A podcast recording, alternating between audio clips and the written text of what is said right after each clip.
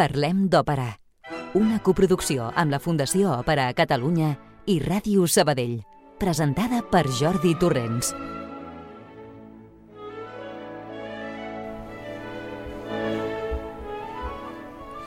Molt bona tarda tingueu, tots i totes. Esteu bé? Espero que em digueu que sí i, a més a més, que teniu moltes ganes de sentir-nos, que esteu impacients, delerosos. n'estic segur, i n'estic segur que sentiu curiositat pel que parlarem avui. El d'avui, amics i amics oients, serà un programa eh, diferent, ja ho, ja ho veureu. N'estic segur que us agradarà perquè avui no només parlaré jo, fet que és tot un avantatge i us fa respirar alleujats. També és el darrer programa del mes de gener, o sigui que 2024 ja va circulant a velocitat de creuer. Programa número 551, 25 de gener, dia de la conversió de Sant Pau, a causa d'una caiguda del cavall, diuen. Rocío García, el control de so, i qui us parla, Jordi Torrents, us donem una cordial benvinguda.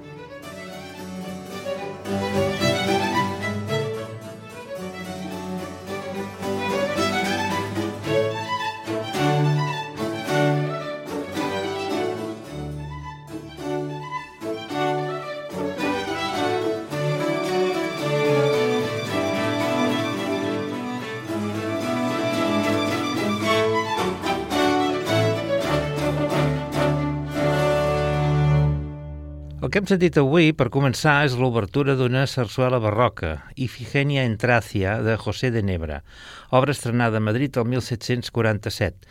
Els intèrprets eren forma antiqua sota la direcció d'Aaron Zapico. Això i diverses peces que sentirem més endavant forma part d'un CD editat recentment per Winter and Winter i que porta per títol La Caramba. Ai, caramba. De moment...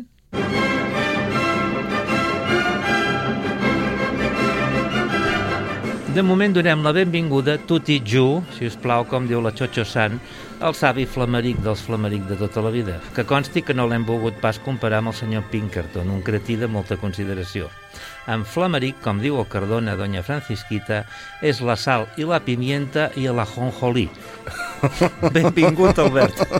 Moltes gràcies. Sí, no em comparis amb el Pinkerton, que una mica més d'intel·ligència emocional tenim. Oi que sí? Avui parlarem del CD La Caramba i també d'un altre. Tot això i més a l'O Flameric 52.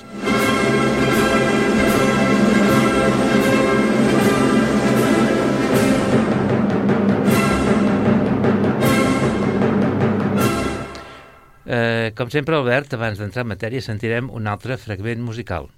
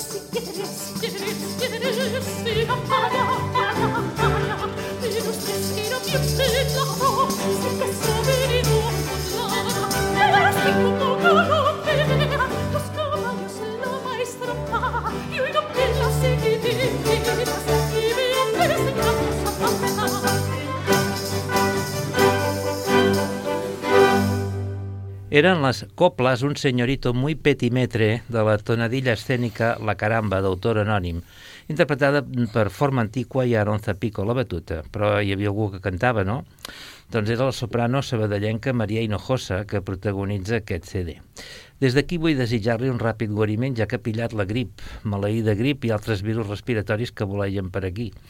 I és que havia d'estar amb nosaltres a l'estudi per parlar bastament d'aquest treball que ha publicat i també d'un concert que el dia 17 de febrer ha de fer a Viena.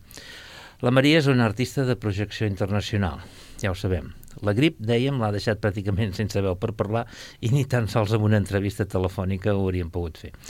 Una persona qualsevol millor podria forçar la veu, però una cantant no, ja que es tracta del seu instrument de treball, així que més val que s'estalvi de parlar. No obstant, la tindrem aquí en un parell de setmanes. Així vam quedar perquè tot això ho vam saber ahir la tarda, estem gravant el dimarts 23, just quan jo aterrava a Barcelona procedent de Viena, i hem hagut d'emprar-nos a fons amb les nostres reconegudes qualitats d'improvisació. Home, eh, sí. Uh, a veure, això, li recuper... Uh, que recuperi aviat la Maria, que conservi la veu perquè és una veu de lírico lleugera, eh, com ara hem escoltat i escoltarem amb un esmal molt pur, un ampli registre, eh, sempre caracteritzat per aquest treball rítmic i aquesta enorme versatilitat, perquè evidentment ella, eh, com a soprano, doncs, ha cantat també el papers de, del que seria el bel canto o romàntic, però sobretot s'ha sabut obrir camí ja des de fa almenys una dècada cap al repertori barroc, tant el, diguem, l'internacional com l'espanyol. Ella ha gravat, aquest és un exemple, però també té enregistraments anteriors. Si no recordo malament, de la Clementina mm. de Boccherini, hi ha un enregistrament que és una sarsuela de, Bé, del Boccherini. De fet, eh, Era- teníem peces Mm. d'aquests treballs per La posar-los font- si hagués vingut. La Fontana del Placer, és a dir, També, tot aquest sí. repertori eh, escènic que seria sarsuela barroca, òpera Mm. barroca o òpera espanyola de l'època barroca, perquè són coses diferents però interconnectades. Ah. Eh, ella ho ha tractat, o el repertori barroc en general, però després també un ample, i aquí ja té molt mèrit, eh, un ample repertori contemporani amb moltes estrenes, que a vegades són estrenes realment dures, d'estudi, de posar en veu, de memoritzar, mm. eh, a nivell musical, a nivell escènic, a nivell de text, i per tant una, una gran feina, una enorme versatilitat, eh, i que bé, doncs, en aquest cas avui presentem aquest, eh, aquest disc eh, vinculat al que és la tonadilla escènica del segle XVIII. Correcte. I que, a més a més, deixa'm dir que jo ja Això. vaig treballar amb ella l'any 2006 Mhm. amb una producció d'aquelles del Roger Alier, del, en aquest cas era Il Re Pastore, que Ahà. traduït pel mateix Roger Alier, Sí. on ella feia, ara no recordo com és no, el personatge que feia, però que també hi havia el Marc Sala de tenor, hi Ahà. havia la Marta Valero i la Maite Alberola. Estiu del 2006. Molt bé, molt bé. Això fa anys, eh? Plogut.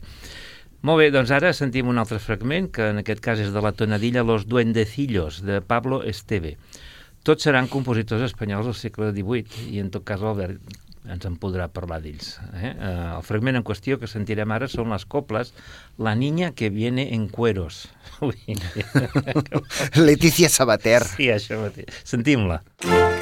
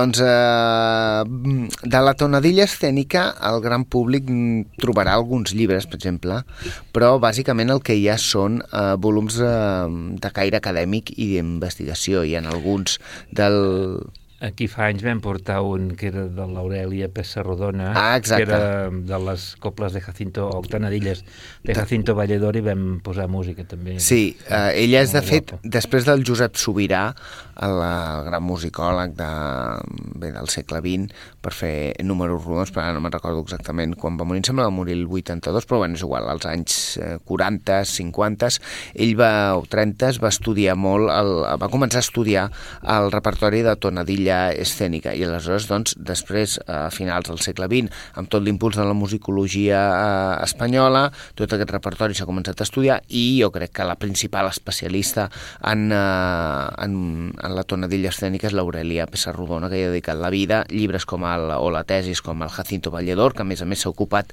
de la recuperació de les partitures, i per tant tot el que té a veure amb això queda en un àmbit bastant relegat. Moltes... Eh, d'aquestes comunicacions són, i insisteixo, en àmbit acadèmic. Algunes estan publicades en l'editorial Arpegio, que té una sèrie que és Estudios del Classicismo, i per tant el que farem avui una mica és anar desglossant una miqueta aquestes característiques de la tonadilla escènica, que és aquest espectacle que alguns diuen que és més teatral, jo crec que, que és clarament musical, on el principal eix és la música, que té influència francesa en la coreografia, perquè hi anava coreografiat, hi havia ball, hi, ha, hi havia una, també una influència italiana en la música, perquè estem en el context, sobretot, de la, encara que a, pri, a la primera meitat del segle XVIII ja trobem tonadilla escènica, eh, però a vegades és només una cançó, i a la segona meitat del XVIII ja es constitueix una, un, com un gènere, una mica com li passa a l'òpera bufa, no? que es va desenvolupant, de fet, comencen com a intermezzos al final d'un espectacle o entre els actes d'un espectacle més gran i a partir d'allà es va desenvolupant amb una estructura pròpia i a la segona meitat, dins el context de la il·lustració i la crítica dels il·lustrats al teatre, la tonadilla ocupa un pes en aquest debat eh, força significatiu. Insisteixo, influència francesa en la coreografia i italiana en la música i alhora pren balls espanyolistes i folclòrics, fandangos, seguidilles, boleros, habaneres, tiranes, jotes, cobles, que és el que trobem i que anirem il·lustrant ara. Molt bé, doncs ara deixa'm, eh, com que no tinc un argument per explicar, com que és la meva feina sempre, us parlaré mm, una mica de la caramba, perquè la caramba és una senyora, eh? Ahà. és una... es deia Maria Antònia Vallejo Fernández, i li deien la caramba, i al qual està dedicat aquest CD, era una artista d'aquestes, de la tonadilla, va néixer a Motril el 9 de març de 1751, per tant era Piscis, oi? va morir a Madrid el 10 de juny de 1787 amb només 36 anys. Va ser actriu còmica i cantant de sainetes i tonadilles i tan influent va ser en la seva època que va marcar la moda amb un tocat que se'n deia, se'n va dir eh, la caramba, eh? l'equivalent actual no sé què seria, rastes potser. No, ja comença a estar una mica passades Sí. de moda. I la- El pentinat aquest de quillo que s'ho rapen tot, com Sí, els sí. futbolistes, i es fan una ratlla al costat. Sí, bueno, que- aquest està en boga. I també com a un exemple actual de, de, de dictadora de la moda, no sé qui podria ser. Uh, ostres, no sé. Qualsevol petarda d'aquesta que se surt per la tele. Bueno, la Letícia que surt amb un vestit llavors s'esgota el Zara. bueno, eh, la Maria Antònia doncs, va portar certa vida d'accessos i de llibertinatge mm. i al final de la seva vida va deixar el farandoleo i es va convertir en una beata penedida, fixa't tu. A Madrid s'hi va traslladar el 1776, debutant al Teatre de la Cruz. Ballava el fandango de manera tan seductora que va posar de moda el concepte de carambear com a sinònim de ballar el fandango. Uh -huh. eh? Fixa't tu, si era important aquesta senyora. Hi ha un episodi que va ser denunciada per dues duquesses importants eh, perquè deien que les havia criticat amb una tonadilla. Llavors ella, ni corta ni perezosa, va passar al mort al compositor, que era el aquest Pablo Esteve, que, que, que, Que era català, per cert. que dio con sus huesos en la càrcel. Però llavors hi va haver alguna amnistia que ja havia sortit ràpidament, no? El 1781 es va casar amb un tal Agustín Sauminque, però el matrimoni va durar un mes, al cap del qual la caramba ja tornava a actuar en el Teatre del Príncipe, amb gran alegria dels seus molts admiradors. I com dic, ser uns tres anys abans de morir, eh, ja et dic, es va, es va fer beata. I no, sé per quin, no se sap per, per quina raó. Bueno, jo fins on sé és perquè després d'aquesta vida llicenciosa va acabar en la pobresa. De sí. fet, en aquest matrimoni es veu que va falsificar fins i tot la defunció dels pares, Mare matrimoni i divorci, vull dir, una vida... És que eh, després, si vols... Tota ho- una lamenta, eh, la Sí. caramba. Després ho comentem, però el pes de la dona en la tonadilla escènica és fonamental. De fet, eh, ja Goya també va pintar una altra tonadillera molt coneguda, que era Maria del Rosario Fernández, hi ha un quadre de 1799, que és per tant... la, la, la tirana. Aquesta. La tirana, exacte. Uh, I aleshores, doncs, hi ha molta... Bueno, la dona té un pes que després el comentem. Vale, doncs ara de moment posem una mica més de música. Davant. Finché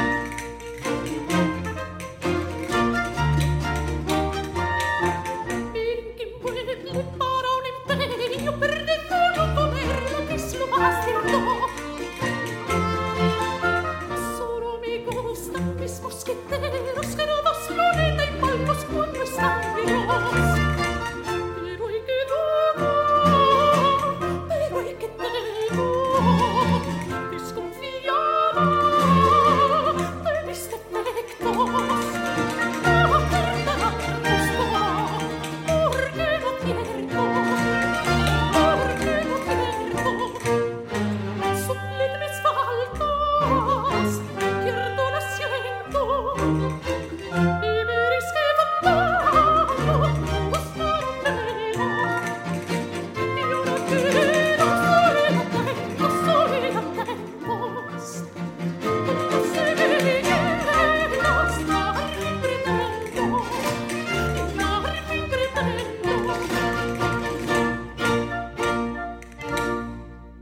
Això era de la tonadilla El arrendador del cebo, de José Castel, el moviment Vivo, miren que mueble. Uh -huh. Hi ha, a la tonadilla hi ha parts cantades, hi ha parts declamades, hi ha parts... Eh, dins d'aquesta aclamació pot ser parlat se- sense acompanyament o en estil recitatiu. Com hem dit, doncs, funcionaven com a intermezzi que eh, deriven de la jàcara, que era un gènere eh, literari del segle d'or, l'entremès i el ball. Té algunes analogies amb el, amb el sainet, però, evidentment, la part musical és, eh, té molt pes. Va ser admirada per eh, Beaumarchais Varney, el famós eh, historiador anglès, i per Rossini, que no oblidem doncs, que la Colbran era espanyola, mm. i que, a més a més, havia bueno, el Manuel García, que és un d'aquests compositors que al tombant del segle finals del 18, principis del 19, també fa algunes tonadilles escèniques, per exemple, El poeta calculista, mm -hmm. doncs eh, Rossini també va conèixer aquest repertori. És un espectacle més aviat curt, que, eh, sí, primera meitat del 18 per fer números rodons, és com una mena de cançó, però que es va desenvolupant, que té unes parts, aquí, per exemple, ho tenim força clar, solien durar uns 20 minuts, el que passa que hi ha algunes que arriben a durar una hora, que és una mica com si fos una petita òpera bufa, generalment amb molt pocs personatges, mm -hmm. com a màxim 4, mm -hmm. eh, algunes amb tema de comèdia embolics, i a nivell d'estructura, doncs, tenies, un, per exemple, un, hi ha la Caramba, de 1776, o, o Los Duendecillos, anem aquesta, que és força clar, del Pablo Esteve, Alegro, recitado andante, per tant, com una mena d'introducció, l'Andantino Gracioso, les coples, les coples era el número eh, central, que a més a més doncs, tenia una estructura a, a nivell mètric del, del text i a nivell de, de la tornada musical doncs, a, que, bastant delimitada i que era el moment on s'exposava el tema eh, del que anava la, la, la tonadilla en qüestió i mm. després generalment sempre s'acabava amb eh, el, les seguidilles que aquestes seguidilles també tenien les seves pròpies característiques a nivell del text eh, mètric i de la música on hi havia una mena de moraleja, allò que en diuen en castellà, doncs, eh, moraleja, una ensenyança, que això també ho trobem en l'òpera bufa, mm. perquè eh, no oblidem que estem eh, l'auge de la tonadilla escènica es deu en part a aquella operació de Carles III de donar pa i circ a partir de 1766 aproximadament uh -huh. a, a la població davant la crisi econòmica, davant la crisi política i aleshores aquesta imatgeria d'aquests personatges populars que pugen a l'escenari, que a més a més trenquen sovint la quarta paret, perquè les tonadilleres es dirigien molt sovint a l'espectador, doncs va ser com una mena de potenciar eh, aquest repertori amb el qual el poble s'identifiqués fàcilment. Molt bé. I això a Madrid d'aquella època, doncs, que hi havia tant... Bueno, Madrid i Barcelona, eh? Perquè Barcelona... populars. No, no, però Barcelona Sí, també. també. N'hi han en català, amb Ah. personatges que surten en catalans I com es, i escrites també per catalans. com es diu? Tonadetes? Uh, no, tonadilles. eh, Tonadilles, perquè- tonadilles escèniques. Això no és que- català, tonadilla, eh? Mi va- aquí a l'ordinador em surt falta. Ah, Sí, sí. bueno, Eh, el, el disc està acompanyat d'un text que l'ha fet la Nieves Pascual, que és una Mhm. musicòloga, aquesta noia la conec, és, és de València, Sí. i és la que fa de secretària d'Òpera 21. Ah, doncs és la- dona, dona-li records de part meva perquè està traduint moltes coses Sí. i jo he fet ressenyes dels llibres que Sí. tradueix i... És la que organitza els saraus d'Òpera 21, la Nieves Pascual. Un, un text que està molt bé i que explica Mm. moltes coses i que recomano acompanyar la lectura d'aquest text amb Mm. l'escolta del, del CD. Molt bé, doncs aquí tenim La Caramba, interpretat per Maria Hinojosa, que malgrat, malauradament avui no pot estar amb nosaltres, però ja hi estarà. Parlem d'òpera amb Jordi Torrents. I ara eh, la nostra improvisació. Parlarem una mica d'un doble CD que va sortir el 2022, si bé és una reedició de música gravada el 1964. 60 anys ja, escolta. Parla d'aquells anys i dius, hòstia, si, si era ahir, no, fa 60 anys ja. És de la DECA i es diu The Age of Bel Canto, en el qual dues orquestres angleses, la New Symphony Orchestra of London i la London Symphony, interpreten música de diversos compositors sota la batuta de Richard Bonich i si dirigeix aquest ens podem imaginar que l'enregistrament és per a major glòria de la seva dona. És un enregistrament molt bonic. Sí, molt. La seva dona, la famosa soprano australiana com ell, Joan Sutherland, el nom de la qual figura amb lletres grans a la portada, acompanyada per dos altres cantants, el nom dels quals està amb lletra més petita.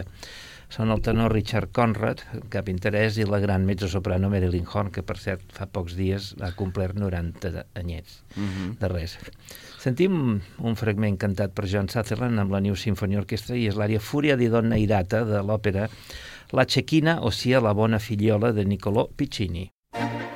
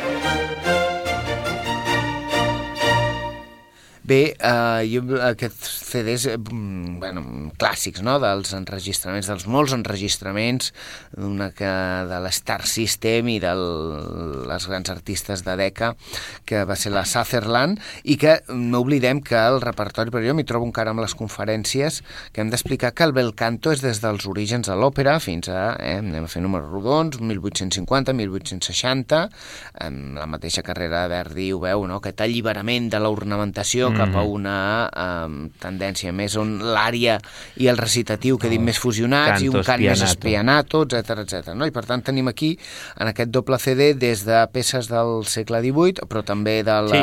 del barroc, eh, de, com de Händel, sí, després, després, després ja faré la relació dels compositors que hi surten. Eh? Uh -huh.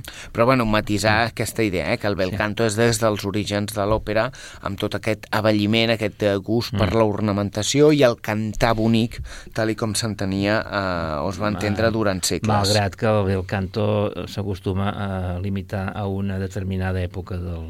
Sí, però això és un error, eh? perquè això s'hauria de dir el belcantisme tardà uh mhm. -huh. o alguns parlen de nou bel canto, no, bel canto és des, de, des dels orígens fins a meitats del segle XIX amb diverses etapes, diversos estils i, i moltes coses que avui va no... Va venir el brutto canto. El, el brutto canto, exacte. Molt bé. Uh, sentim un segon fragment que és l'àrea With Plaintive Note, que és de l'oratori Samson de Handel, eh, amb la mateixa orquestra.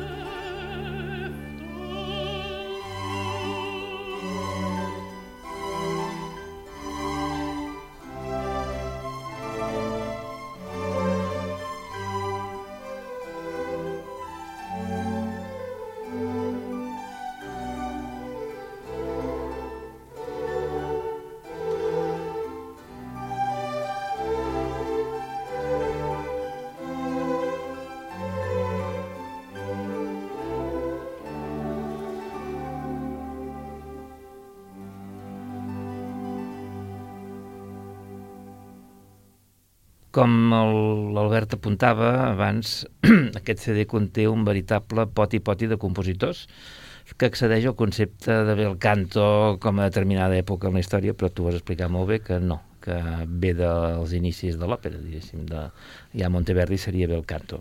Uh -huh. Aquí tenim eh, obres de Piccini, de Handel, tant d'òpera com d'oratori, Lampugnani, Bononcini, Thomas Arne, William Shields, són dos compositors anglesos del segle XVIII, Mozart, Boieldieu amb Sophie Gail, aquí hi ha una, mm. un, una, una peça d'una òpera que es diu Àngela o l'atelier de Jean Cousin. Eh, ho torno a dir, ho vaig explicar fa dues setmanes perquè aquesta peça em va sortir en el programa d'òpera còmic francesa, parlant de El Boieldieu. tinc pendent d'escoltar, confesso. Jo, ja, bueno, ja, pecat, eh, te'l, te'l perdon, t'absolvo. Um, jo vaig agafar aquesta peça, que és boniqueta i tot això, i llavors un cop la vaig haver triat vaig dir no, dic això, eh, hi havia alguna cosa que em fallava. I realment aquí hi ha una gran cagada en, aquí, de, en aquest disc, perquè això no és una... O sigui, aquesta òpera Àngela o l'atelier de Jean Cousin, que van fer conjuntament el Boieldieu i aquesta senyora Sophie Gell, doncs mm. aquest tros no és d'aquesta òpera, Ah. sinó que és d'una òpera anterior que es diu Les Deux Jaloux, de la Sophie Gale en solitari. I no sé per què està, està Escolta, així. i això com ho saps? Com ho sé? Sí, perquè els personatges que aquí canten, mm. vaig mm, buscar els personatges de l'òpera Àngela i aquests tres no, No no, hi- no en sortien allà. I vaig googlejar, googlejar i googlejar i fins que vaig eh, trobar que això venia d'aquesta òpera de la, de la senyora. Molt bé, molt bé. Bueno, és igual, no té, massa, no té major importància, perquè a més a més... Bueno, en teni, el- tenint en compte que no hi ha quasi bé res d'òpera sí. de, de bibliografia uh, d'òpera francesa Sí. i de Boieldier, mm, bueno, mm, doncs uh, sembla... I del Sophie Gail encara, encara menys. menys, sí. Eh, I dintre de les notes del que acompanya el CD, que són molt, molt Sí, escarasseres, en parla de l'Àngel, no sé què, del bueno, pues, si, si, ho diu el, si ho diuen ells, si el Boringe està d'acord, pues, avanti tutti. Bueno, um, I el segon CD, doncs, hi ha més eh, segle XIX, Rossini, Sí, sí, Aubert, sí. Weber, Bellini, ah, Donizetti... és que encara no havia acabat la, Ah. la relació, és veritat, m'he quedat amb el Boieldieu. Sí, Rossini, Aubert, Weber, Bellini, Donizetti, Verdi i un compositor que es diu Luigi Arditi, que Sí. és, és, fins i tot va És morir en el segle XX ja, que no mm. conec de res. Vaja, de tot i força, eh? Vull dir, aquí podeu triar i remenar amb dues grans cantants com són la, la Sutherland i la Horn. Un disc que es diu Eloquence i que ella era la, la estupenda. Mica- sí. una mica la, la mateixa idea. Bueno, Eloquence és una sèrie de, de DK, eh? és una sèrie... Ah, és una sèrie. Hòstia, és una sèrie, sí. No, el disc es diu The Això Age poseu of aquest tall. The Age of Bel Canto. No Em passa pensava res. que era el... No sí, passa és veritat, res. sí, sí. Bueno, sentim una darrera peça d'aquest àlbum, que serà el duo Serva Mionyor Sifido de la Semiramide de Rossini, amb la Sutherland Semiramide i la Horne Arsace. L'orquestra és la London Symphony, en aquest cas, i el director, ja ho sabeu, és Richard Boninch. Thank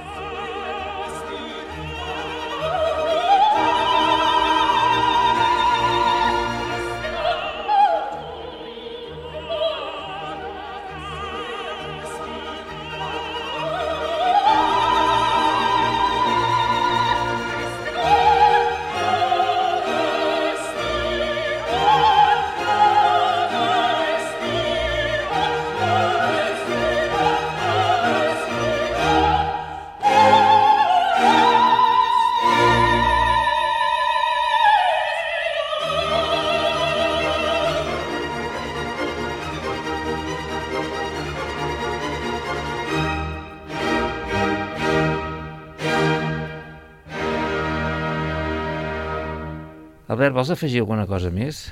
Home, sí, si em deixes retornar a la tonadilla Sí. escènica, perquè em- eh, t'he apuntat que eh, la, la, la dona hi té un pes molt significatiu. De fet, moltes estaven fins i tot escrites per, la- per les dones. La dona del Pau Esteve, Mhm. per exemple, també sabem que tenia un pes molt important, eh, que fins i tot em va, em va escriure eh, per elles. Eh, quan hem parlat abans de que la dansa tenia un pes significatiu, i ho veiem pels tipus de, de números, sobretot aquest, els balls folclòrics, però és que les mateixes tonadilleres eh, pujaven a l'escenari, a vegades tocaven la guitarra, tocaven les castanyoles.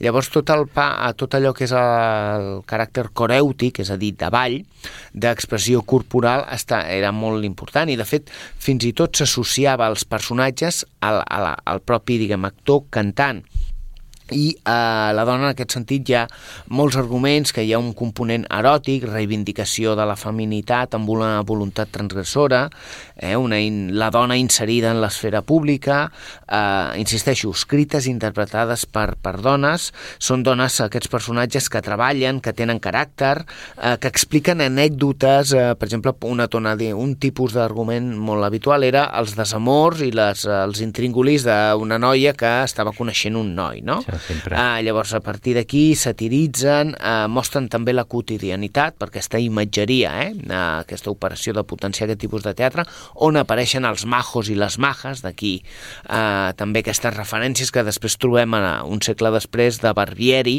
amb alguns d'aquests, eh, d'aquests eh, jo què sé, el Barbieri a la pieza, mm. o el Chorizos i Polacos, eh, bueno, etc etc que són títols d'això. Llavors, hi ha també molta ironia, dobles sentits, metàfores, la típica guerra de sexes, la seducció com a principal argument, i tot això en part també ve pel context, perquè hi ha, per exemple, des del 1726, és un dels molts eh, tractats o llibres o, o bueno, textos que s'hi refereixen, Benito Feijó, que no sé si és un passat del...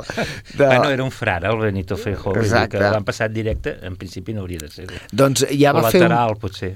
Sí, doncs ja va fer un text sobre l'educació de les dones. Per tant, això també va, insisteixo, eh, en aquest context il·lustrat en, eh, de la segona meitat del, del 19, on eh, hi ha influència de la sarsuela, de l'òpera bufa italiana, en fi, eh, un, un moment molt interessant. El Sobirà, aquest musicòleg que he referit, va fer una categoria, diguem, una periodització, més ben dit, de l'evolució de la tonadilla escènica, però mm, l'he portat, però me la salto una mica perquè, evidentment, hem evolucionat molt, coneixem molt més mm. i, en certa mesura, eh, ja no s'aguanta, però podem dir que fins a entrat ja al segle XIX encara es feien tonadilles escèniques que coexistien amb la resta del repertori, que fins i tot, evidentment, va arribar a la, al que era la Nueva Espanya, el continent americà, concretament mm -hmm. Mèxic, mm -hmm. i que eh, hi ha aquest predomini de l'espectacle i que no deixava de ser un tipus de repertori i d'espectacle de mercat, és a dir, que si funcionava es mantenia i que tendeixen a ser obres, insisteixo, més aviat eh, curtes, que les més llargues una hora aproximadament, però que en general són això, quart d'hora, 20 minuts, 3 o 4 números, que a vegades s'inclou alguna àrea, mm. sobretot amb estil italià, però que el, és una part recitativa, unes coples, algun numeret més i les seguidilles finals. Bueno, molt bé, trobo que és molt interessant aquest tema i que es, no el coneixem suficientment i, i aquest tipus de música no la coneixem suficientment. Igual que Hi ha molt que poc enregistrat. La sarsuela barroca espanyola, tot el barroc espanyol, de veritat que hi han coses molt guapes i mm. que, que s'haurien de... Se n'ha perdut molt, també. de fer conèixer més. I la Maria, aquest concert que farà a Viena, serà de- d'aquest tipus de repertori. De... José Castel, José de José Nebra, de Nebra també, Blas de la Serna, el- Pau Esteve, el la- Misson... La Clementina de Boquerini, Boccherini. etc etc. Molt bé. Doncs, Albert, moltes gràcies per ser aquí amb nosaltres. T'esperem el mes que ve, si la teva ocupada agenda de conferenciant ho permet. Sí, sí, sempre trobem sempre- un forat. Tampoc està tan ocupada, eh? Bueno, bueno. Si no, aleshores el que no ho permetria seria la meva bona vida. Vale. A vosaltres us espero d'aquí a set dies, però abans de dir adeu us deixo amb una altra peça de la caramba, que és molt graciosa, escolteu bé, que són les seguidilles Cuida una vieja pavos, de la tonadilla Los Mormonadores de Pablo Esteve, Maria Hinojosa, Forma Antigua i Aaron Zapico a la direcció. Adéu-siau i fins dijous que ve.